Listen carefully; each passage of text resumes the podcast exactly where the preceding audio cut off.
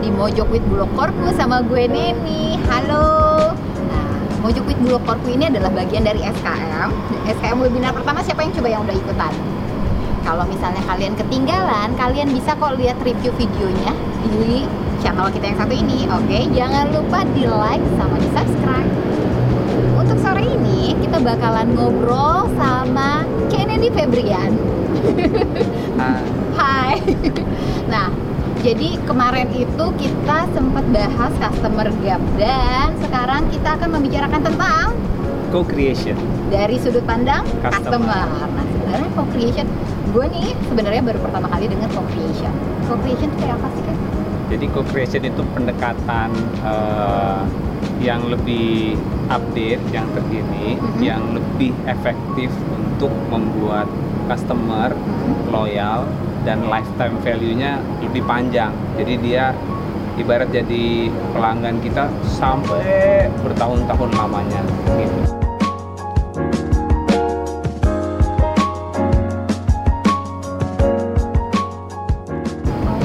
Ini tuh kayak meningkatkan nilai loyalitas, Iya, nilai loyalitas namanya customer ke eh, kita. lifetime value. lifetime value. Oke. Eh, se- ada tahapannya kah atau seperti apa prosedurnya kah gitu?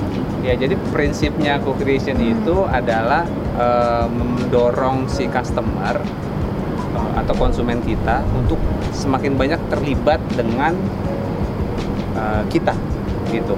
Dengan Jadi- kita sebagai eh, supplier atau penjual barang, penyedia barang. Iya gitu. betul, ha. sebagai penjual ya, Ah, ah, atau ah. suppliernya. Jadi kalau di era yang lama itu eh, fokusnya di produk Ah, ah. atau fokusnya di benefit lah atau di feature Ah, ah, itu ah, yang ah, dijual plus sama service. Iya, iya, Ya iya, kan? iya. kualitas produk dan service. Tapi di co-creation ini itu arahnya bukan ke situ, arahnya ke experience Experience dari si customer Iya. terhadap si produk yang dia beli. terhadap eh, setiap tahapan dia berinteraksi dengan kita. Jadi kan ada namanya customer pet ya. Itu eh, langkahnya customer Ah. sampai dia mengkonsumsi eh, barang atau jasa kita. Ah. Itu mulai dari needs awareness, menyadari bahwa saya butuh. Hmm, butuh barangnya, butuh produknya, Ah, butuh itu pet pertama ya. Pet pertama, oke. Yang kedua kan petnya dia mulai search ya. Saya Ah, ah. butuh eh, saya punya kebutuhan, misalnya lapar lah Ah, ah, ya. Saya lapar nih kebutuhan. Kemudian saya mulai search. Ya kan GoFood, Grab Ya. eh, dan lain-lain. Mm. Kemudian ada tahapan analyze, search and analyze. Kita banding-bandingin antar penyedia jasa Oke, food iya, iya, iya, atau iya. antar makanan atau antar outlet atau antar apa pun lah. Di situ bukan cuma search tapi udah analisa, udah compare-compare, udah banding-bandingin. Harga mana, Ah, eh, benefitnya promo, mana, ya promonya apa, ya gitu. itu ya. oke. Nah, pet berikutnya itu Hmm. ac- action. Oke. Action itu ya mesen, ya bayar, eh, ya gitu. Kemudian setelah action itu kan consume ya. Action eh, mesen, bayar, akhirnya kita konsum. Hmm. Habis itu ada juga post post consume itu bisa repeat order, bisa juga advocate Hmm, gitu ya. hmm, Bisa kita akhirnya merekomendasikan ke teman atau kita mengkritik juga bisa mereview dan Nah, semua pet itu. Bagaimana bikin si customer terlibat di dalamnya. Dari setiap langkah yang tadi lu Iya. ceritain, Aha. gimana caranya supaya si customer terlibat, dalam Terlibat. setiap Dan tahapan? kita menilai experience yang dialami, Mhm. experience sama dialami sama Sama sebenarnya. sih, itu Iya. bahasa Inggris dan bahasa Indonesia Setiap pengalaman yang di-experience oleh yang dialami. oh iya, setiap pengalaman yang dialami oleh konsumen. Mhm. Jadi ketika dia needs awareness, bisa gak eh, kita mensupport Mhm. atau mengintervensi pengalaman dia ketika aware. Oke. Kapan sih lu punya awareness needs lapar? Kapan? Ya tentu jam makan siang, jam makan malam, atau Kayak, jam kayak iklan breakfast. gitu ya, misalnya Iya. iklannya berarti di jam makan siang gitu atau Iya bisa bisa oh, oke. gitu. Tapi maksudnya eh, kita mengintervensi atau mensupport pengalaman dia Ha-ha. ketika sedang di tahapan needs awareness. Oke. gitu. Ah. Ketika dia lagi punya desire, ketika lagi dia butuh Mm-mm. atau di tahapan berikutnya kita intervensi pada saat dia sedang search and analyze Mm-mm. pengalamannya gimana gitu kan lu pasti punya pengalaman positif dan negatif waktu search and analyze ya toh di sini murah eh, harga barangnya tapi ongkirnya mahal Hmm. ya Iya, toh iya, iya. di sini agak mahal tapi banyak promonya Iya, iya, iya. gitu toh kan itu pengalaman lu yang bikin lu kadang-kadang ya kita bergejolak udah seneng dapet "Ih, murah nih Mm-mm. begitu proses berikutnya kan jadi mahal Pas sih di total-total ternyata jadinya Ah, mahal. nah itu kan bikin kita kesel Mm-mm. nah experience itu yang perlu di mapping sama supplier Oh. Experience oke. mulai dari titik awal sampai titik akhirnya si Mhm. customer Mm-mm. nah itu misalnya ya Mhm. contohnya ada namanya shadowing teknik jadi kita membayangi customer Oke, Gitu. jadi kita ngebuntut shadowing itu ngebuntutin Iya. ya bahasa Indonesianya. Ngebayangin. Ngebuntu- membay oh ya membayangin membayangi si uh, Customer. customer. Sampai dengan yang tadi kan ada lima tahapan berarti sampai dengan dia selesai di tahap lima. Iya. Betul. Oke. Ah. Itu co-creation. bukan itu, Itu- cara kita memetakan Mm-mm. seluruh aspek pengalamannya dia Oh, oke. gitu karena nanti co-creation itu adalah kita mau kunci pengalamannya Pengalaman di lima tahapan itu. di semua tahapan itu Oke. Heeh. jadi semakin positif pengalamannya dan semakin dia aktif meningkatkan mutu pengalamannya Mm-mm. Ketika berrelasi sama kita itu makin bagus. Gitu. Jadi kuncinya memang di pengalaman. Petakan dulu pengalamannya. Misalnya shadowing. Eh, ini eksperimen aja sih ya kalau shadowing itu. Misalnya lu sebagai eh, punya usaha travel ya toh?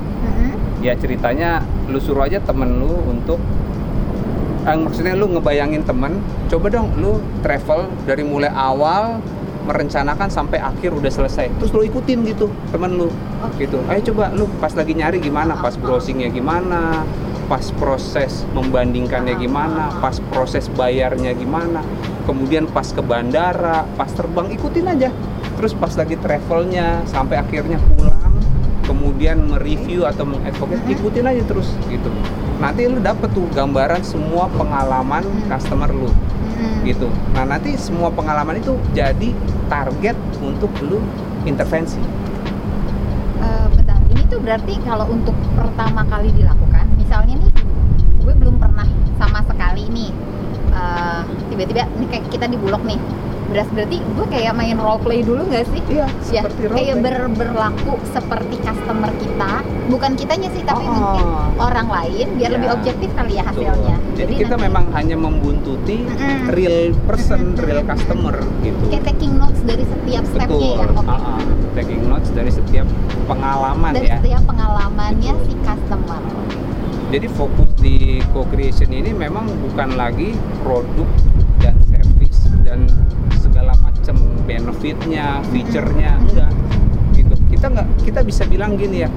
"Eh, kasur saya itu terbaik kesehatan eh, punggung tulang punggung eh, Oh iya, iya kan kan banyak tuh gitu. ortopedi gitu gitu kan. tidurnya nyenyak segala macam oke itu dari sisi benefit feature produk maupun service tapi pengalaman si konsumen kayak gitu apa enggak belum tentu Jadi pengalaman si customer terhadap produk Semua, kita uh-uh. atau dan jasa kita itu udah sesuai tidak gitu? Iya nggak sih? Maksudnya kan kita tadi kan contohnya si kasur ortopedi Iya. itu berarti kita ngebuntutin si customer mendapatkan itu semua nggak? Iya. Gitu ya? Uh-uh. Jadi fokusnya bukan lagi kita mencari-cari atau kita menjual value Mhm. uh, one direction satu arah dari kita, bukan. Tapi kita lihat pengalaman apa yang dia uh, rasakan selama. Oh, oke. Jadi gue mau bisa keluar-keluar misalnya, oh kami punya 10 value. Nah, lu cek pengalamannya si konsumen gitu. Jangan-jangan dari 10 itu dia cuma ngerasain satu, kemudian kecewanya ada tiga. Jadi kayak Gitu. ganti sudut pandang Ya, ya. betul. Oh, jadi kita, we try to be the customer. Uh-uh. Oke. Jadi kita tidak bisa mengklaim bahwa oh kami punya value ini ini ini. Mhm. Nggak cukup di situ. Kita harus confirm lagi ketika dia menjalaninya pengalamannya kayak apa gitu Nah, oke, kita udah shadowing nih, udah dapat, buat memetakan udah ya. memetakan. Taking notes nih, oke, oh ternyata gini gini gini gini nih. Terus co-creationnya di mana? Nah, jadi co-creation itu gini, pada prinsipnya manusia itu ketika dia memutuskan sesuatu, dia akan lebih bertanggung jawab terhadap keputusannya dibandingkan kalau orang lain yang memutuskan. Gitu. Jadi Oke. gitu. Masuk logika. Masuk logika ya? Masuk logika, masuk Lu logika. disuruh atau lu meng- disuruh atau lebih sadaran sendiri Yes. kita lebih komit kan meskipun mungkin sama misalnya ya misalnya sama melakukan hal yang, hal yang sama, sama. tapi kan Yang satu disuruh. niatnya berbeda Heeh, Asalnya yang satu ya. karena pacar misalnya jadi belajar Heeh. yang satu atau karena disuruh orang tua Oke, iya. atau karena kesadaran sendiri emang pengen sukses Hmm. komitnya beda meskipun actionnya sama Mm-mm. gitu kan Iya, iya, iya. nah jadi eh, ketika si konsumen mengalami Hmm. yang tadi itu kemudian dia punya power untuk meningkatkan mutu pengalamannya nah Oke. itu yang bikin dia makin loyal Oke, dan Dia itu punya tujuan dari kesempatan. psycho-creation. Iya. Oke. dia meng-create Heeh. pengalaman yang bermakna Mhm. dia meng-create edit value dari pengalamannya dia sendiri jadi dia sendiri yang create gitu. nah itu yang kita harus eh, berikan akses gitu loh berikan jalan kepada dia untuk dia bisa meningkatkan sendiri pengalaman eh, istimewanya dia ketika berhubungan sama kita Eh, menarik sih Ken, jadi ngerasa lebih less effort gak sih kitanya? Iya gak sih? iya betul Jadi kita nggak usah yang kan sometimes eh, aduh susah banget sih ngeyakinin Iya. gitu karena mungkin itu dilihat dari sudut pandang kita kan. Oke. contoh yang simpel ya memang ini konsepnya kayaknya seru tapi gimana ya Heeh. Ini yang simpel Masih banget misterius sih sebenarnya.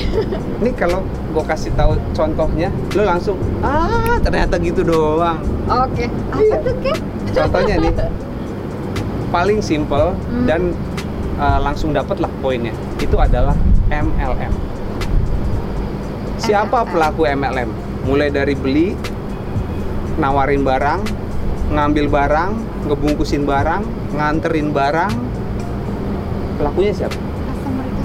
Customer itu sendiri semuanya dia kan Iya.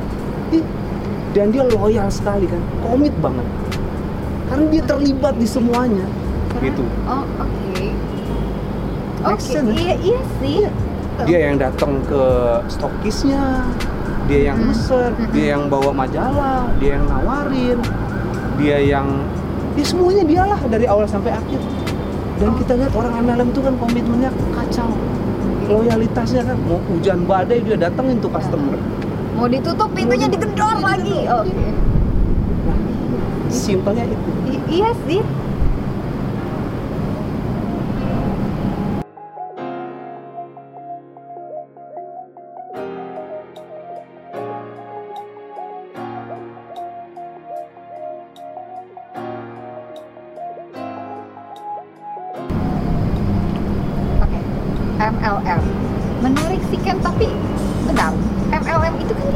Jual lagi kan? Maksudnya ada end customer-nya lagi gitu maksudnya Iya. selain dia pakai biasanya si MLM dia pakai produk yang sama maksudnya dia pakai Nah, produk yang dia itu juga jual termasuk. tapi dia jual lagi Iya. Betul. Tapi Eh, di sini penekanan Uh-uh. kita adalah betapa eh, dia engage banget, masuk banget, terlibat banget, dan dia sendiri yang meningkatkan mutu pengalamannya. Karena makin dia kerja keras, makin dapat sales, makin dapat poin, nanti dapat kapal pesiar. Kan dia Oh, sendiri iya. yang meningkatkan effortnya, bukan orang lain, nggak disuruh kan? Uh-uh, uh-uh. MLM yang terakhir itu di- dia sampai bikin presentasi rutin nyewa ruangan di perkantoran atau hotel terus orang-orang dia kumpulin pakai uangnya sendiri untuk mempresentasikan Oh, produknya oke dan itu dia banyak eh, yang narik-narikin orang-orang baru untuk sebagai audiens free jadi sebegitu besar effortnya dia kan nggak ada yang nyuruh untuk dia presentasi dan nggak dimodalin sama perusahaannya dimodalin. juga gitu. Jadi loyal sekali, komit sekali, engage banget, di setiap tahapan Tapi itu kalau misalnya dia ngerasain benefit dari si produk yang dia jual. Pengalaman dia Hmm. pengalaman dia berhasil menjual dia dapat apa sih kalau awal-awal ya kan apa dapat poin? Eh, dapat ya pokoknya impiannya mah dapat kapal pesiar iya. atau apa gitu kan gitu kemudian experience dia ketika di dalam sebuah event itu ya yang eh, gold level Hmm, emerald iya, iya, level iya, iya. wah bangganya minta itulah experience yang mendorong dia untuk lebih. Mohon maaf ya itu waktu itu MLM yang gue sempat hadiri bahkan ada sebetulnya peserta-peserta yang kalangan menengah dan ke bawah tapi kebanggaannya tuh luar biasa. Pakai jas pakai ini. Iya iya biasanya orang yang rapi rapi. meraih level ini level experience itu mungkin di rumahnya dipukulin bininya kali tapi di tempat itu dia adalah somebody special Bintang. bintang dia Oke oke oke. Oke. Hmm, menarik masuk akal masuk akal. masuk akal ya Masuk akal. Hanya kalau kita relatein sama produk kita nih, sama kita kan eh, beras minyak bisa di MLM-in. MLM itu contoh Oh oke oh, oke oke. oke. contoh orang yang bisa engage Yang banget, engage. Oke. gitu. bukan eh, kita MLM-nya Heeh, heeh. Jadi di dalam co-creation itu beberapa prinsip yang kita mau dorong adalah supaya konsumen itu terlibat, supaya konsumen itu eh, aktif, active Hmm. player, Mm-mm. supaya konsumen itu ngasih masukan, supaya konsumen itu ikut sem- eh, ikut melakukan proses yang sebetulnya kita lakukan. Misalnya QC, jadi dia yang QC, Hmm. promote jadi dia yang promote Mhm. ya kan nah itu jadi makin dia terlibat itulah goalnya self service itu goalnya karena itu bikin dia terlibat self select dia yang milih sendiri ya seperti ATM kan kalau dulu kita harus ke kasir dilayani. ATM itu kan enggak kita sendiri yang milih kita sendiri yang ini yaitu 24 hour. Gitu. dulu cuma narik uang sekarang nyetor uang. Iya betul. ya kan? terlibat dia terlibat eh, sendiri semuanya. Jadi yang kita pikirkan apa opportunity opportunity supaya si konsumen bisa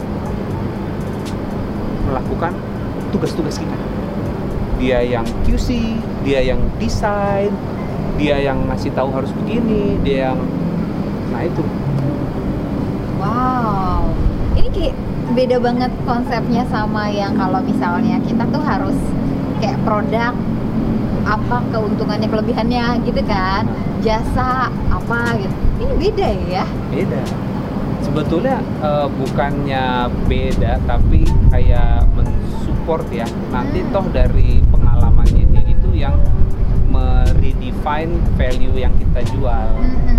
gitu jadi jangan paksakan kita tetap jualan eh, door to door seperti dulu pada saat sekarang ini value orang sudah online Hmm. atau gadget gitu Hmm, Ini jadi kayak permainan rantai nggak sih?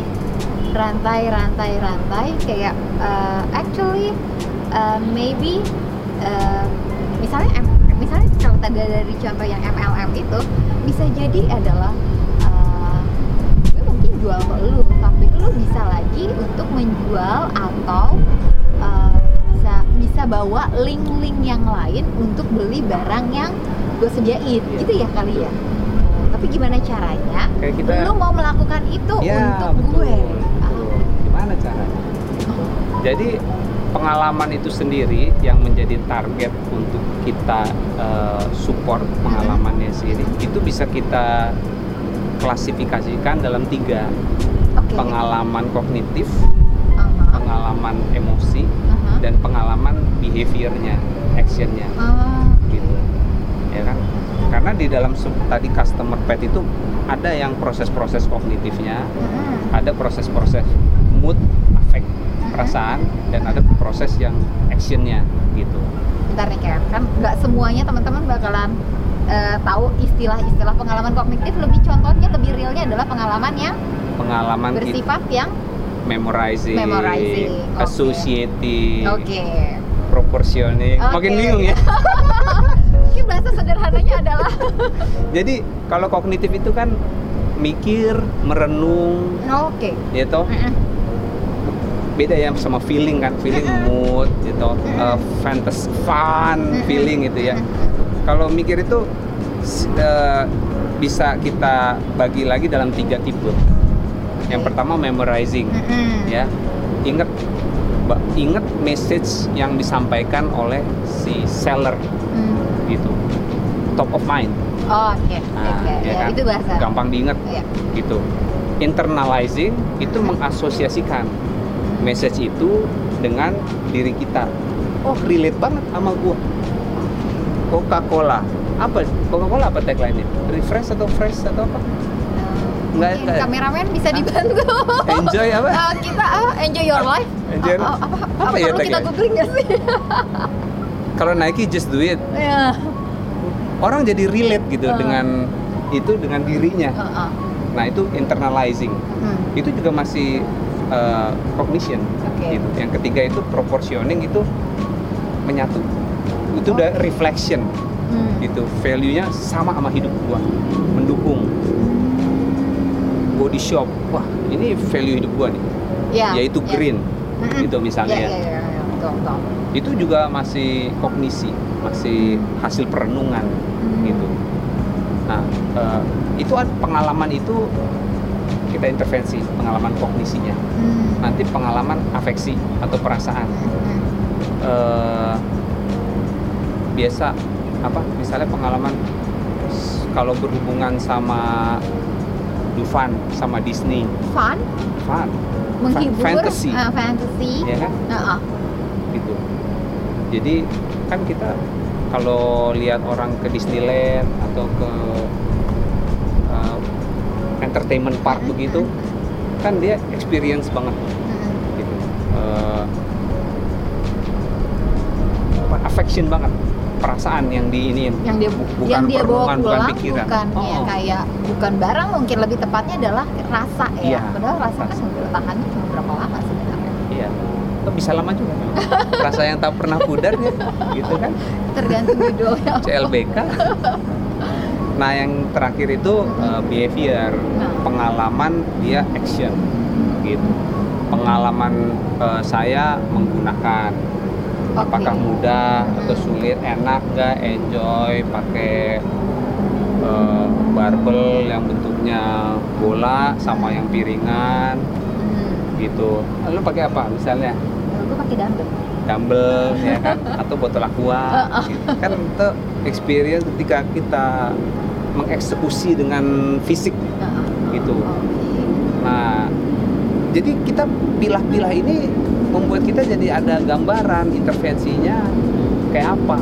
Bagian mananya? Intervensi kognisi pada saat needs tahap awal atau pada saat search and analyze atau pada saat action. Kadang kan di action itu bisa kena di cognition sama affect susah banget ini mau belanja. Gue pernah ya mau belanja. Dia cuman satu metode pembayaran. Oh iya. Harus ngutang. Bener-bener deh keterlaluan. Iya, soalnya Bikin ada gue ada yang gini.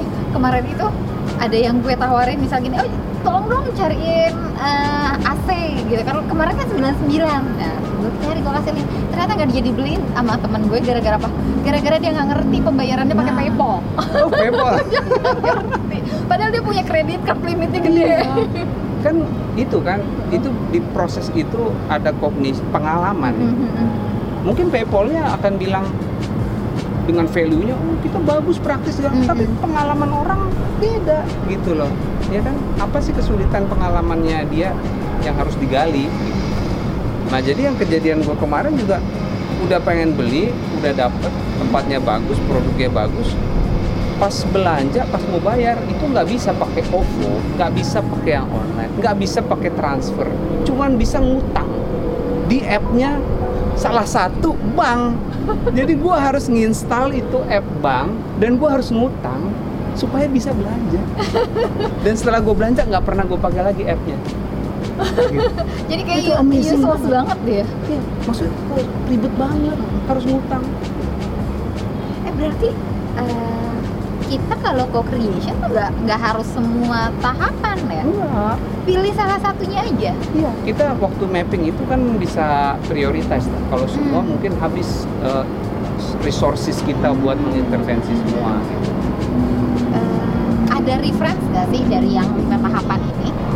Tahapan mana yang paling, eh, maksudnya ta- tahapan paling penting atau prioritas? Rasanya sih tidak ada ya, Oh, nggak ada. karena beda produk, beda industri, kemungkinan eh, Oh, beda. oke. Kemudian karena ini psikologis ya, eh, orang itu bisa dia penekanan di needs-nya, bisa Hmm. penekanan di action-nya, bisa penekanan di mana bisa beda-beda. Apa ini tergantung sama tipe-tipe produknya gitu nggak sih? Bisa Atau juga. Misal kalau untuk yang household mungkin agak beda, untuk kebutuhan kitchen mungkin dia beda lagi gitu? Bisa, bisa bisa jadi. bisa jadi ya. Oh. Jadi gue insight gue waktu kemarin harus ngutang belanja itu Mhm. kemungkinan karena dia mempersyaratkan usia minimal Oke. Untuk belanja hal Bentar, tersebut. sebentar. Jangan ditelusuri. Mau beli apa kan? ya harus ada usia. Barangkali ya nggak tahu juga.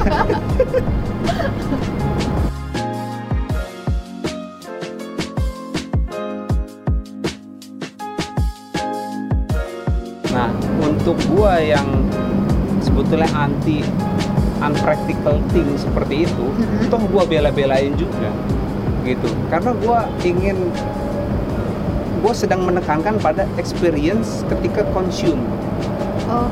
gitu experience consume-nya buat gue itu high value jadi gue bela-belain lah negatif experience waktu paymentnya Heeh, heeh, heeh. gitu nah ini yang mungkin yang gua, yang tadi kita bahas bahwa tiap orang bisa beda-beda penekanannya di mana Hmm. gitu dia dari industrinya kalah dari ya entah dari mananya. Jadi maybe a wise-nya adalah ya you try every step ya. Iya di nggak perlu harus di- semuanya semuanya lu sh- nggak udah shadow nih taking notes tapi nggak perlu harus semuanya tapi lu sendiri yang memutuskan di step mana yang lu akan uh, turut campur di dalam. Ya Oke, biar effort lu juga nggak terlalu banyak. Nah, sekarang kan kita eh, kalau prinsipnya adalah memberikan kesempatan pada konsumen kita supaya dia banyak aktif, banyak terlibat, banyak engage, tentu ada persyaratannya gitu. Bagaimana sih si konsumen bisa terlibat, bisa ikutan meng-QC kita, bisa ikutan mendesain barang kita, bisa ikutan apa kita? Ada gak aksesnya? Kita buka gak aksesnya? Si konsumen punya knowledge gak punya skill gak punya informasi gak tentang diri kita supaya dia bisa terlibat nah kalau kita tertutup nggak ngasih info nggak ngasih skill nggak ngasih apa gitu ya dia nggak akan bisa akses dia Oh, bisa ngomong sama kita Iya. jadi paling nggak minimal ketika kita menjual barang atau menyediakan servis ada kayak hubungan komunikasi dua arah lah ya iya betul jadi dia bisa kasih balik feedback ke kita Oh. apa sih yang harus kita develop gitu Iya.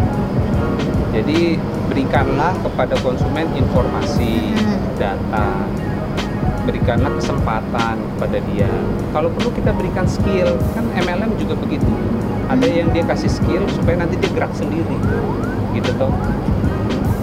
berarti kayak kita menyediakan informasi yang dibutuhin customer dengan free access atau gampang banget dia lihat dia ambil gitu ya Iya. oke Ya tentu kita wise lah kan untuk tahu mana yang eh, rahasia, mana yang enggak. Hmm. Tapi kita harus berdayakan supaya dia mampu engage, supaya dia mampu terlibat. Gitu. Jadi kesimpulannya kan co-creation dari sisi customer itu lebih ke hmm, mungkin pertama kita menyediakan komunikasi dua arah Yes. ya itu ya. Komunikasi dua arah. Eh, sambil kita taking notes every step customer waktu melakukan proses pembelian sampai dia mem- mengkonsumsi barang tersebut atau dia nerima jasanya terus kita bisa eh, turut campur uh, atau ambil beberapa uh, langkah di uh, step-step tersebut gitu. Nggak perlu semuanya hanya beberapa aja gitu yeah. or ada atau ada ini nggak sih kan misalnya? Uh, kalau kita menyediakan kayak call center is it helpful or not? Or it's better mungkin uh, kayak nyediain platform website or email gitu? Bisa apa aja sih? Hmm. bisa apa aja. Nanti itu memang kita menyesuaikan dengan uh, tren ya saat ini. Jadi dari segi teknologi trennya gimana dari segi industri kalau sekarang udah trennya uh, DIY ya do it yourself. Hmm. ya kita bisa ikutan. Ya kita ikutin trennya. Tapi berarti kita harus ngefilter semua itu juga nggak sih kan kan nggak semuanya customer uh, ngerti ya. Maksudnya sometimes kan kita menerima komplain nih tapi yeah. memang beberapa customer nggak begitu mengerti tentang featuresnya kita produknya kita.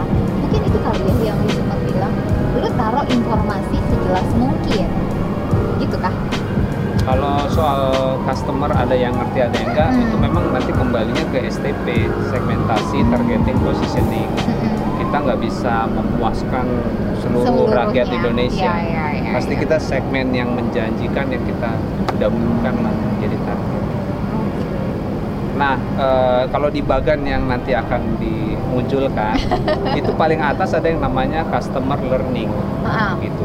Jadi jangan uh, kita salah bahwa setiap pengalaman customer ketika berelasi sama kita itu membuat dia belajar. Itu akan tersimpan terus. Itulah learningnya dia. Bahwa ketika pengalaman itu enak, baik, positif, dia belajar untuk mengulangi lagi. Gitu. Nah kita harus juga tahu apa sih pembelajaran si customer. Gitu. Apa sih yang dia simpan di benaknya? Learning dia terhadap kognisi terhadap afek. Gue sih jelas kalau misalnya Dufan ya. Dulu sih fun sekarang capek. Usia. tiap orang beda kalau itu faktor usia. Iya. gitu. Nah itu kan learning tersimpan di sini. Nah semua diketahui juga sama si penyedia jasa atau penyedia barang seller ya, supplier seller. gitu okay. karena nanti di sudut paling bawah mm -hmm. di bagian itu ada customer learning ada organizational learning okay. gitu ini nanti nanti ya nanti yang, nanti after this kita bakalan ada uh, sesi lanjutan yang penasaran kita nanti lanjutin lagi ke bagian organizational ya dari okay. dari sisi organisasi berarti Iya yeah, supplier dari supplier nah ini kan baru customer nih di hold dulu yeah. customer oke okay? Iya. yeah. wah teman-teman makin lama nih kayaknya uh, makin sebenarnya makin jelas ada yang makin jelas dan makin bertanya-tanya dan kita gimana sih ngerelatinnya sama diri kita sebagai perusahaan atau penyedia jasa atau barang tersebut nah hold dulu ditahan dulu segala pertanyaannya di keep dulu boleh taruh komen di bawah di kolom komentar. Jadi untuk sekarang sekian dan terima kasih buat teman-teman. See you bye bye